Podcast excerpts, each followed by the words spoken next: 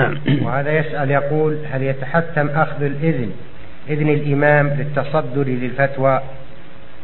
ما يتحتم لا. لكن لولي الأمر أن يمنع. لولي الأمر أن يمنع من يعرف بالتساهل أو بالجهل. ولي الأمر يمنعه ويأخذ على يديه ويتوعده وله أن يسكنه وله أن يؤدبه إذا لم يمتثل. أما إذا كان أهلا للفتوى فلا يمنع. نعم.